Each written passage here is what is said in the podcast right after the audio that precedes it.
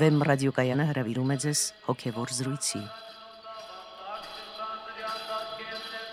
Սիրելի ունկնդիրներ, Վեմ ռադիոկայանի եթերում են արժանապատիվ Տեր Մեսրոպ Կահանա Արամյանը եւ Արա Սարգսակ Նալչաջյանը։ Այսօր կխոսենք 7 մահացու մեղքերից նախավերջինի, որ գրամոլության մասին։ Օրհնեցեք Տեր հայր։ Աստված օրհնի։ Տեր հայր, ապաշխարության կարգում թվարկված 7 մահացու մեղքերից նախավերջինը, որ գրամոլությունն է, որը ըստ եկեղեցու հայրերի դուրն է բոլոր մեղքերի։ Տեսնենք թե ինչ կարծիքներ են հայտնում որ գրամոլության մասին մեր ժամանակակիցները։ Այս թեմայով դրանց հետ զրուցել է մեր թղթակից Շուշան Հովանեսյանը։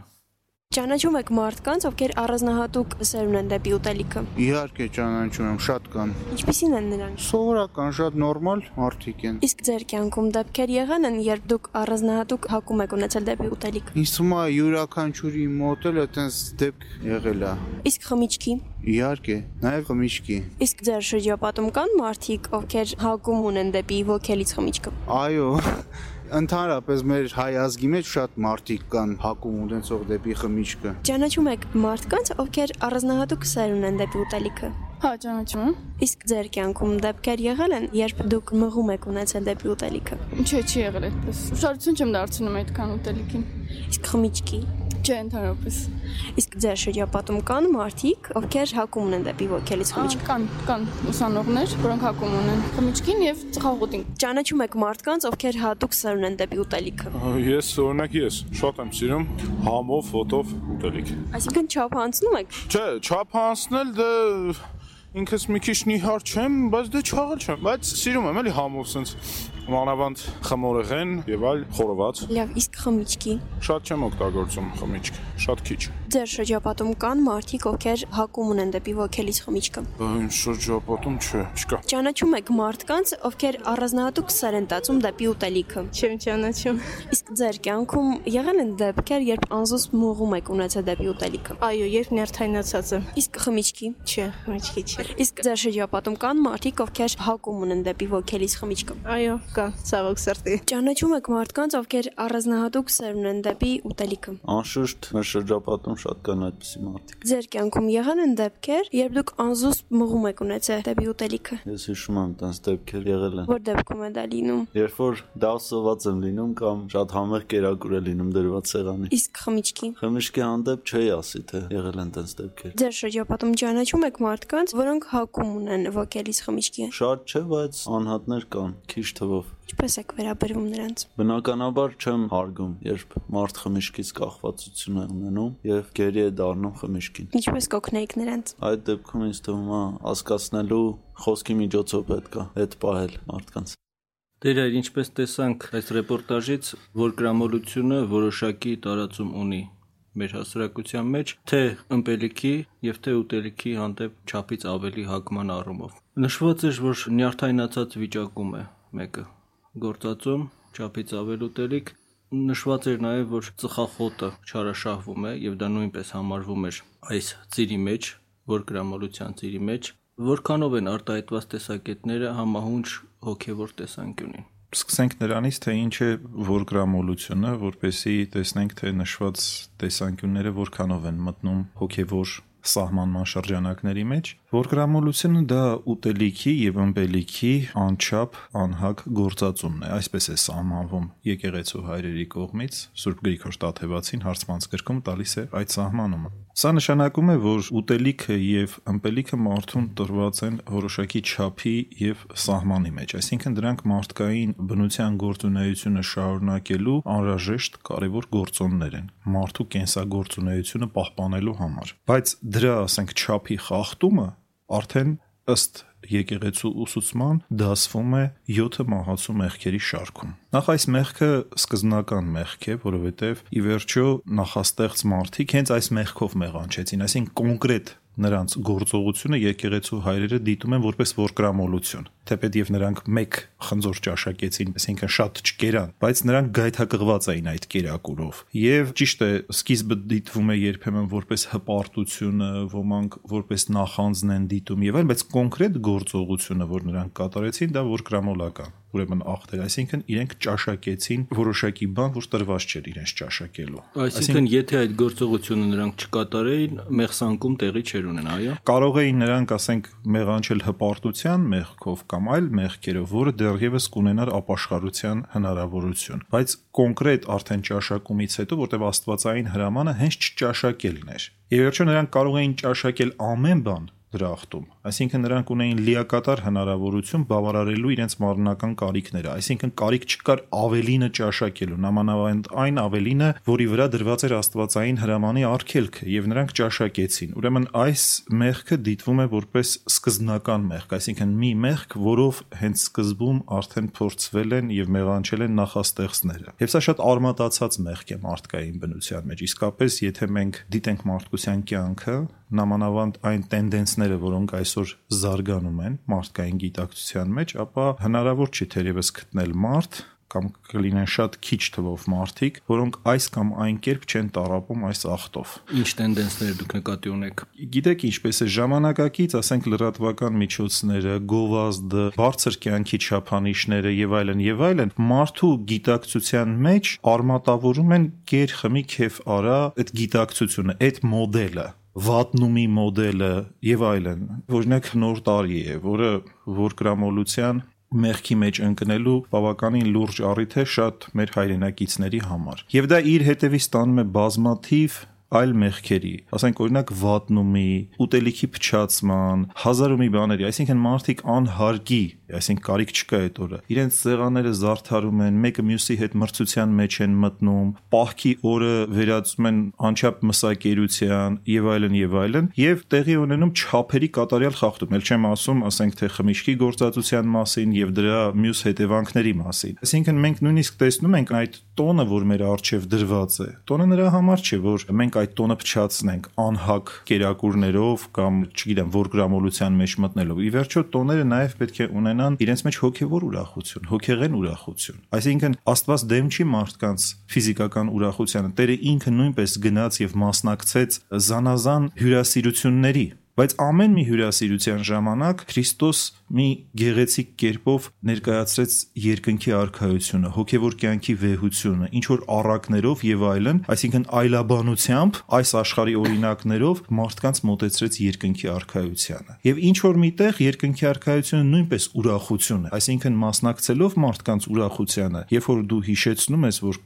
այս ուրախությունը չպիտի լինի պատճառ, որ դուք այս աշխարհով տարվեք, այլ այս ուրախությունը պետք է լինի դրթապատճառ, որպեսզի դուք ավելի բարձր ուրախության մասին մտածեք, երկնային ուրախության մասին մտածեք։ Եկեղեցին դեմ չէ, որպեսզի մարդիկ ուրախանան, բայց մարդկանց ուրախությունը մարդկանց պետք է տանի մարդու էության վեհացման եւ ոչ թե տանի երբեմն ուղակի անասնական վիճակների, որին իհարկե կտրուկ դեմ է եկեղեցին։ Իսկ ինչպես այդ սահմանը դնել, ինչպես որոշել այդ սահմանը, որքանն է որ հորդորելի է եկեղեցու կողմից եւ որքանն է որ խոտելի է։ Ուրեմն ավանդական մեր հայկական սովորության մեջ ամանորը ինքը պահոց օր է։ Նախ նոր տարին ինքը սկսում է Քրիստոսի ծնունդով, պետք է սա հիշել։ Այսինքն ամսի 1 նոր տարի չէ, բուն նոր տարին ամսի 6-ն է։ Այս նոր տարի հասկացողությունը հետևողականորեն կիրառվել է անաստվածության տարիներին սովետական միության կողմից նսեմացնելու համար Սուրբ Ծնունդը, որպեսզի ժողովուրդը կտրվի Սուրբ Ծնունդի հասկացողությունից։ Սա միանգամայն բնական է քրիստոնեական սովորությունների դեմ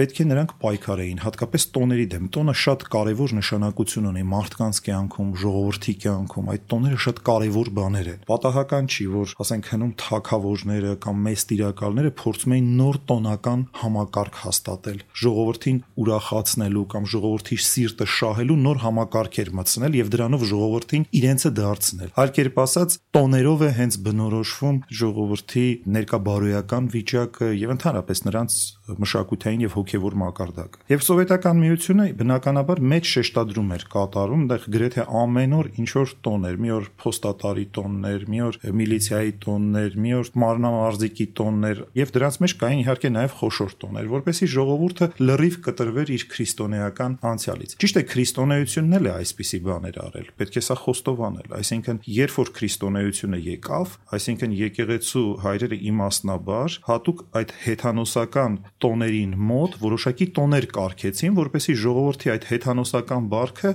հետս հետե տեղափոխեն դեպի արդեն փրկաբանական իրողություն գործողություններ։ Սա եկեղեցին էլ է արել եւ բնականաբար պետք է աներ։ Հիմա մենք պետք է հասկանանք, որ ինչ որ մի բան է մեր կյանքում տեղի ունեցել, այս 70 տարիների անաստվածության այս շրջանը, որի հիմնական շեշտադրումներից մեկը նոր տարին էր, որպեսի ժողովուրդը կտրվեր Սուրբ Ծննդյան այդ լույսից այդ հասկացողությունից, այդ տոնից կտրվել։ Բայց մենք այսօր շարունակում ենք այդ տխուր ավանդությունը, ոչ միայն ամսի 1-ի տխուր ավանդությունը, այլ նաև մարտի 8-ի կամ մայիսի 1-ի բացարձակապես անհասկանալի տոներ եւ այլն։ Եվ շատ լավ կլիներ, որ մենք արդեն այս մեր անկախության տարին, ես կարծում եմ սա 1-2 տարվա հարց է։ Եթե որոշակի շեշտադրումներ կատարվի պետության կողմից, այսինքն ծանրության նժարը տեղափոխվի դեպի Սուրբ Ծնունդ, կարելի է հանգիստ այդ նոր տարին ուղակի վերածել Սուրբ Ծննդյան տոնակատարության։ Հիմա ցավոք սրտի պետք է ասել, որ Սուրբ Ծնունդը դարձել է նոր տարվա լրացում, թեթևակի լրացում։ Այսինքն ուտում, խմում, քեֆ ենք անում, նաև Սուրբ Ծնունդ ենք նշում։ Միջդեռ եթե մենք նայենք ամբողջ քրիստոնյա աշխարհի վրա, նրանց մոտ նոր տարի հասկացողություն գրեթե չկա։ Սուրբ Ծնունդ է։ Ամսի 25-ին տոնում են Սուրբ Ծնունդը, ամսի 1-ը որպես տարեմուտի, ասենք, այսպես ասած, մի թեթև տոն շատ թեթև վերաբերմունք են դրան ցույց տալիս։ Հավանաբար Սուրբ Ծննդյան դերի նսեմացումը խորհրդային իշխանությունների կողմից նպատակ ուներ կամ գուցե անուղակի կերպով այդ արդյունքը եւս ստացվել է, որ Սուրբ Ծննդյանը նախորդող շաբաթապահքը չպահվի, այսինքն հենց կոնկրետ ողգրամոլությանը զարգ տրվի։ Իհարկե, տեսեք մեր սովորությունները ավանդական, այդ օրը մենք տարեմուտի սեղան դրել ենք, բայց դրել ենք դրանք պահոց կերակուրներով, այդտեղից էլ գալիս է պասուց տոլմա հասկացողությունը եւ այլն։ Այսինքն տարեց մարդիկ հիշում են, որ այդպես են վերաբերվել։ Այսինքն շատ համեստ սեղան է դրվել։ Հիշվել է, որ այդ օրը պահոց օր է, որտեղ նախապատրաստվում ենք մենք Սուրբ Ծննդյան լույսին եւ հետո նշվել է արդեն մեծ հանդիսությամբ Սուրբ Ծնունդը, նախ եկեղեցում, ապա տներում, տնորշնեկներ են եղել եւ այլն եւ այլն։ Եվ եթե տոնի մեջ կա մեծ հոգևոր իմպուլս եւ փրկաբանական նշանակություն, ես սա հատկապես ուզում եմ շեշտեմ։ Այդ տոնի խորհուրդը նաեւ քեզ թույլ չի տալիս, որպեսի դու մտնես անհագ ցոփության մեջ տրվես անհագորեն ուտելիքի։ Մի տեսակ հետ է պահում, այդ օրը հնարավոր չէ այդպես վերաբերվել։ Այսինքն իհարկե պետք է դրվի ավանդական կերակուրները, ձուկը, հավկիթը, ասենք եթե զատիկն է, փլավը եւ այլն, այսինքն սեղանը պետք է զարդարվի ավանդական կերակուրներով, բայց այդ օրը քանի որ մեծ հոգեվոր խորուրդ ունի, դու հասկանում ես, որ սա ինչ որ փրկաբանական նշանակություն ունի եւ մարմնավորն ու հոգեվորը իրար հետ խառնված են եւ միասնաբար պետք է տոնվեն թե չէ այլապես, եթե չկա հոգևոր իմպուլս տոնի մեջ, նամանավանդ որ դրված է լրիվ սնահավատական ինչ որ մի բան, որ ոնց տարին սկսեցինք, այնպես էլ կշարունակվի։ Մարդիկ 30-40 տարի այդ նույն բանը անում են, չեն տեսնում, որ կապ չունի դա իրար հետ։ Այսինքն լրիվ սնահավատական ինչ որ մի բան է եւ չի կարելի այդպիսի բաների վրա հույսը դնել։ Եվ էլ չեմ ասում, որ ուղակի դա ինչպիսի վատնումի, ցոփության, շռայլության դրսևորումներ է ունենում, այդ կերակուրների ինչ որ մի զգալի մասն է փչանում եւ այլն, որը եթե մենք հաշվի առնենք, թե ինչքան սոված մարդ կա այս երկրում, հեչ չարժի այդպիսի բան անել։ Ավելի աստվածահաճո կլինի, եթե մենք պետք է այդ վատնումը անենք, դա տանենք գնանք բաժանենք աղքատներին։ Գնանք մանկատներ, գնանք ծերանոցներ, գնանք այնպիսի մարդկանց տներ, ովքեր դրա կարիք ունեն։ Եվ ինչու՞ չէ, միգուցե նրանց հետ անցկացնենք այդ նոր տարին կամ թեկուս Սուրբ Ծնունդը, դա շատ ավելի աստվածահաճո կլինի, քան թե ասենք ուղակի տրվել անհագորեն ուտելիքին եւ խմիչքին։ Դերեր դուք գործածեցիք ցոփություն, արտահայտությունը, հոգեվոր տեքստերում հանդիպում ենք նաեւ շվայտություն, զեղխություն, անժուշկալություն եզրին, նաեւ որովայնամոլություն եզրին։ Սուրբ հայրերը այս տերմինները օգտագործում են։ Արդյոք սրանք նույն նշանակություն ունեն, ինչ որ գրամոլությունը դրանք տարբեր երանգներ են, ասենք օրինակ շվայտությունն ու ցոփությունը արդեն այլ երանգ են իրենց մեջ պարունակում, երբ որ դու ուղակի արդեն մտնում ես վատնումի երևույթների մեջ, ուղակի վատնում ես կամ արդեն այդ քո որգրամոլությանն ու որովայնամոլությանը կամ քո արծաթասիրությանը արդեն, որտեղ դա տանում է նաև արծաթասիրության, խառնված արդեն հպարտություն, գոռոզություն, ցուցամոլություն եւ այլ, այսինքն լրիվ խճճված ես արդեն այդ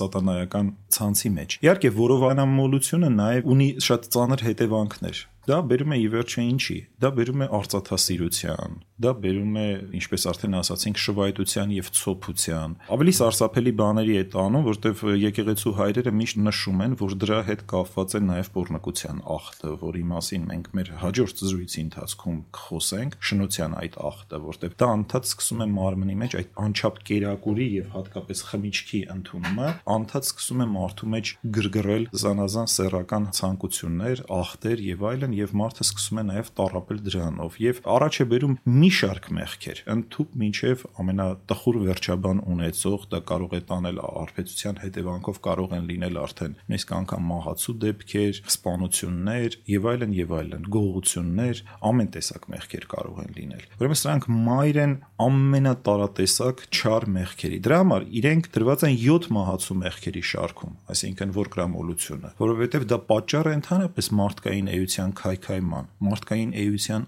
անասնացման բթացման։ Եվ մարդիկ նույնիսկ պետք է զգուշ լինեն, որպեսի իրենց երեխաներին հանկարծ սխալ չդաստիարակեն։ Նույնիսկ երեխաների դաստիարակության հարցում սա շատ կարևոր է։ Ընդհանրապես մարդը պետք է սովոր լինի ժուշկալ ապրելու։ Ժուշկալությունը դա շատ կարևոր բան է։ Մենք խոսում ենք պահեցողության մասին, հիմա նամանավանդ ամսի 30-ից մինչև Սուրբ Ծնունդ պահեցողության շրջան է լինել, որը մեզ ուսուցանում է պահեցողություն, այսինքն ժուշկալ վերաբերմունք։ Ոչ միայն ուտելիքին, ոչ միայն խմելիքին, այլ ընդհանրապես այս աշխարհի հաճույքներին, այսպես կոչված ժուշկալ չափավոր վերաբերմունք։ Իհարկե, այս դասում, ասենք, որ գրամոլության մեղքերի դասում պետք է նաև դիտել, ինչպես արդեն ասացինք, ծխախոտը, որը մի ահավոր երևույթ է։ Հավանաբար այս մեղքերի փնջում են գտնվում բոլոր այն բաները, որոնք մարդու բերանով ներս են մտնում այսինքն ուտելիքը, խմելիքը, ծխախոտը, որոշ մարդիկ նաև այդ թվում դիտում են, ասենք թե թեյի եւ սուրճի անչափ գործածումը, որտեվ դա նույնպես մեր կյանքում շատ-շատ է գործածվում։ Դերեր այդ դեպքում ինչու է Քրիստոս ասում, թե մարդուն պղծում է ոչ այն, ինչ նրա բերանից է ներս մտնում, այլ այն, ինչ նրա բերանից դուրս է գալիս։ Հա, բայց Քրիստոս ինչ որ որ խոսում էր չափի մասին էր խոսում։ Այստեղ Քրիստոս խոսում էր խորհուրդների մասին, այսինքն հոգևոր խորհուրդների մասին, որ սրտից դուրս են գալիս չար խորհուրդներ։ Ճիշտ է ասում։ Եվ հենց այդ սրտից դուրս եկող չար խորհուրդների հետևանքով էլ մարդու մեջ մտնում է չափից ավելի ուտելիք, այսինքն այդ որկրամոլության ախտը պետք է հիշել, դա ֆիզիկական ցանկություն չէ կենթանիները անգամ չեն կարող որկրամոլության ախտով տարապել։ Այստեղից մենք հետևություն ենք անում, որ սա հոգևոր խախտում է Ընդհանրապես, երբ որ մենք մեղքի մասին խոսում ենք, պետք է հասկանանք, որ սա շատ լուրջ հոգևոր խախտում է, հոգեբանական խախտում է, որ գրամոլությունը դա լուրջ հիվանդություն է, հոգեկան հիվանդություն է։ Շատ հետաքրքրական է, որ Բարսեղ Կեսարացին մի առիթով ասում է. «Ես տեսա շատ եղբայրների, որոնք ազատագրվեցին զանազան ծանր մեղքերից»։ Ասում է, բայց նրանց մեջ չկային նրանք, ովքեր գախտնաբար իրենց եղբայրներից ուտում էին չափից ավելին։ Այսինքն, եթե մարդ արդեն հիվանդ է որ գրամոլությամբ, չի կարողանում իրեն կոնտրոլի ենթարկել կամ արդեն խմիչքի նկատմամբ է թուլություն ձեռք բերել կամ թեկուս ծխախոտի նկատմամբ ծխախոտ ծխելը ինքնին ընդհանրապես դիտվում է հիվանդություն դա հոգեկան հիվանդություն է թող չզարմանան մարդիկ բայց դա հիվանդություն է եւ ինչպես ամեն հիվանդություն դա պահանջում է որոշակի բուժում որ մարդիկ ազատագրվեն դրանից ընդհանրապես յուրաքանչյուր կախվածություն արդեն դա հիվանդություն է որտեղ մարդը ունի չափ այնպես որ մեղքը նախ եւ առաջ խորհուրդների մեջ է մարդու հոգու մեջ է, նրա գիտակցության մեջ է, ճարի հետ ներքին համագործակցության մեջ է, կամա կամ ակամա, գիտությամբ կամ անգիտությամբ։ Մեղք նշանակում է ճարի հետ ինչ որ կապ։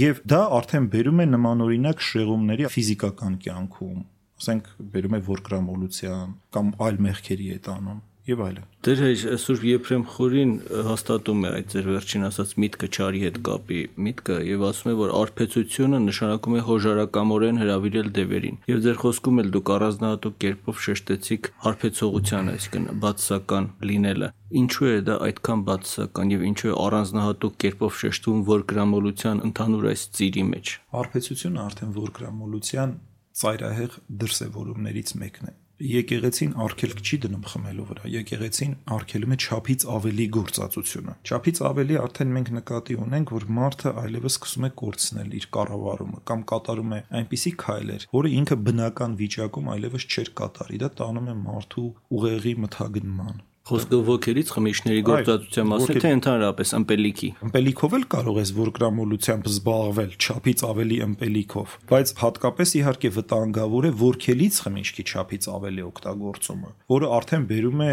այլ ծայրահեղությունների եւ մարդ ընդհանրապես կորցնում է մարդկային դեմքը, այսինքն դառնում է կենթանուց էլ ավելի վատ վիճակում գտնվող մի երևույթ։ Էնպես որ եկեղեցին մշտապես պայքարել է սրա դեմ, այսինքն արփեցության դեմ եւ ուշագրավ է, որ եկեղեցու հայրերը իրենց շատ նշանավոր ճառեր գրել են ընդդեմ արփեցության, հատկապես պահոց շրջանի, ինչպես ունի Սուրբ Բարսեղ Կեսարացին պահոց գրքում կամ Սուրբ Հովան Ոսկեբերյանը բազմաթիվ ուրեմն ճառեր ունի գրված արփեցության մասին, որտեղ շատ հաճախ թյուրիմացաբար դա դիտվում է որպես պահոց խմիչքը, ասում են, քանի որ ճունի կենթանական ցակում, ինքը ուրեմն պահոց է եւ կարելի է դա օգտագործել։ Եվ այդպիսի թյուր կարծիքներ նաեւ հնչել են ցավոք սրտի հայկական եթերում։ Պետք է ասել, որ պահոց շրջանում հատկապես արգելվում է որքելից խմիչքների գործածությունը։ Ավելի է արգելվում, քան կենթանական ցակում ունեցող ուտելիքների գործածությունը։ Այսինքն արգելվում է ընդհանրապես, նույնիսկ քիչ քանակությամբ։ Ընդհանրապես է արգելվում։ Բացառությամբ այն պարագայի, եթե ինչ որ բժշկական դեղի հետ կապված հարցեր կան, արդեն մարդու առողջության հետ կապված հարցեր կան։ Տերհեր Եսավի օրինակը հիշելով Պողոս Առաքյալը ասում է, որ Եսավը անսուրբ մարդ էր եւ մի աման կերակուրի համար ծախեց իր անդրանկությունը։ Եվ աստորեն խիստ արգահատանքով է խոսում նրա այս արարքի մասին եւ այս արարքի հետևանքով Եսավը ընկավ շատ վատ վիճակի մեջ։ Ընդհանրապես ինչ վնասներ է տալիս որ գրամոլությունը մարդուն։ Ընդհանրապես սկսենք զուտ ֆիզիկական պլանից։ Որգրամոլությունը այսօր բժշկությունը ասում է, որ բազմաթիվ հիվանդությունների սկզբնապատճառ է, սկսած ամենաթեթևներից վերջացրած ամենածանր հիվանդություններով Դա կարող է բերել զանազան արյան վատ շրջանառության, դա տանում է ուղակի սրտի ինֆարկտների, դա տանում է դեպի շաքարախ։ Մի խոսքով չթվեմ, այս մասին բժիշկները ավելի հանգամանալից կերպով են խոսում եւ դա իդեպ ասեմ, որ նաեւ 20-րդ դարի հիվանդություն է, մեր շրջանի հիվանդություն է, երբ կա իսկապես ուտելիքի առատություն։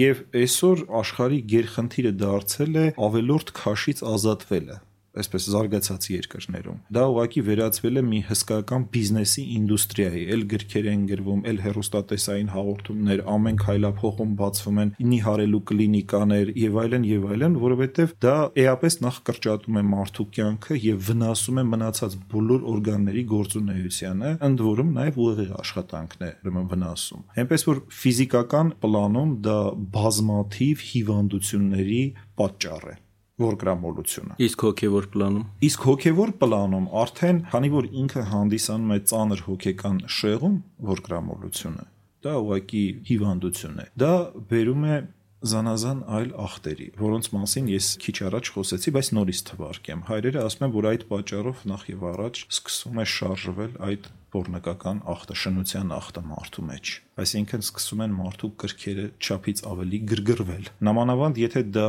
զուգակցվում է, որ գրամոլությունը արդեն խմիչքի անհակ գործածմանը դա ել ավելի սրում է այդ վիճակը պատահական չէ որ ասենք եթե կրիմինալ հանցագործությունները մենք դիտելու լինենք կարող ենք ասել որ օրինակ բռնաբարությունների զգալի մասը կատարվում է ուրեմն խմիչքի ազդեցության տակ ել չասեմ թե այդ ազդեցության տակ մարդիկ ինչ այլ հանցագործություններ կարող են գործել ամեն տեսակ հանցագործություններ որտեղ իրենք արդյունքից չեն գտնվում իրենց բնական վիճակում իրենք արդեն իրենց բնական վիճակից դուրս են թռել եւ դարձել են արդեն խաղալիք դևերի ձեռքի բացի դրանից դա իհարկե նաեւ գրգռում է մարդու եսը մարդու հպարտությունը դա տանում է մարդուն դեպի ցոփության դեպի շվայտության, դեպի ճոխության, ճոխ կյանքով ապրելու, դեպի երկրահակություն, դեպի երկրավոր չափանիշներ, դա մարդուն տանում է արծաթասիրության, աշխարհասիրության եւ սա կռապաշտություն է։ Սա արդեն ուղակի նշանակում է ներքին մերժում Աստծո, որքանով էլ նույնիսկ դու բերանով խոստովանես,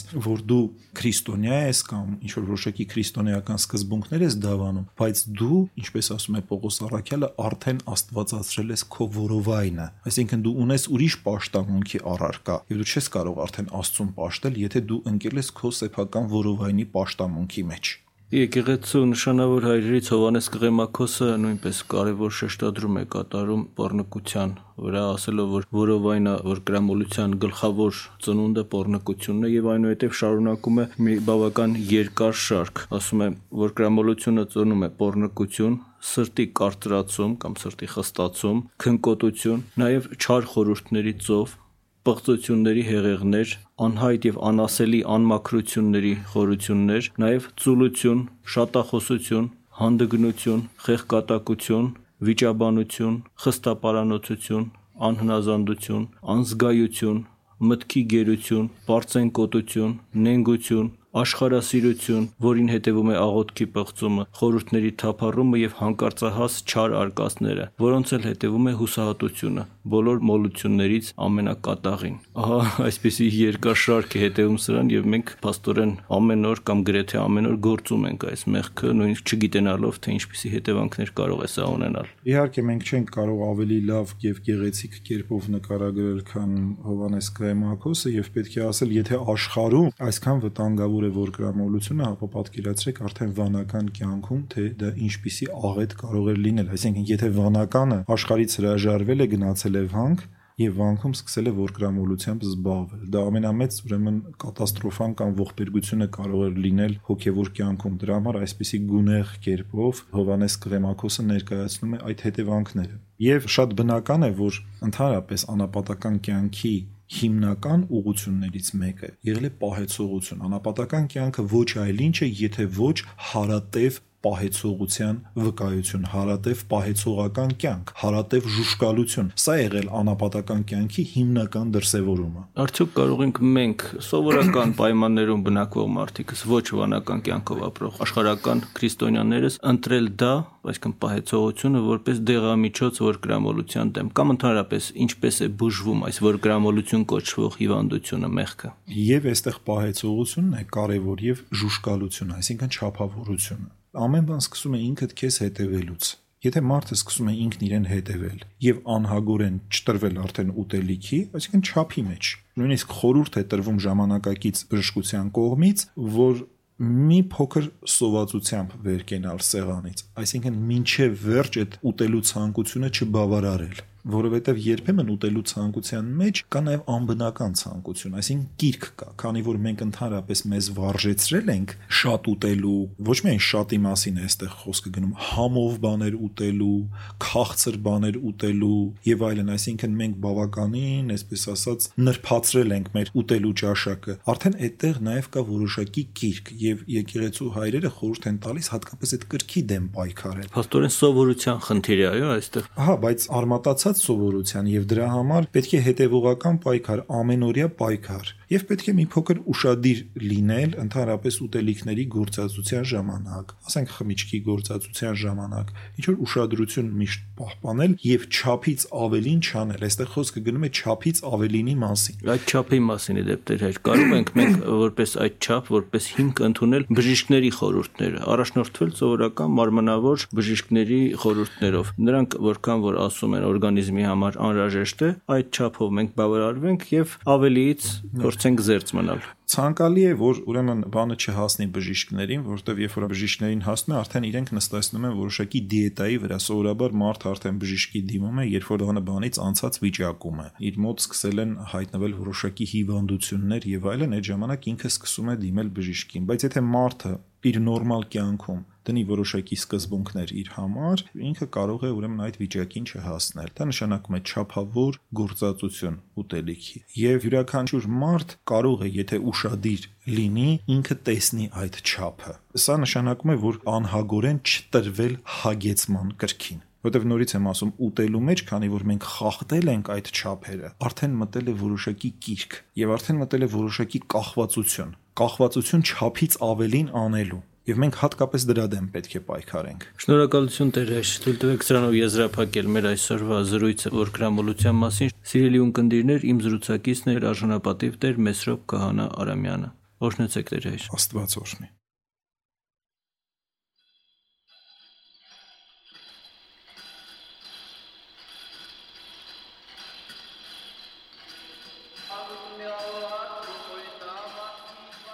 Հոգևոր զրույցներ հաղորդաշարի հերթական հաղորդումը վարեց Արաս Սարգսակ Նալչաջյանը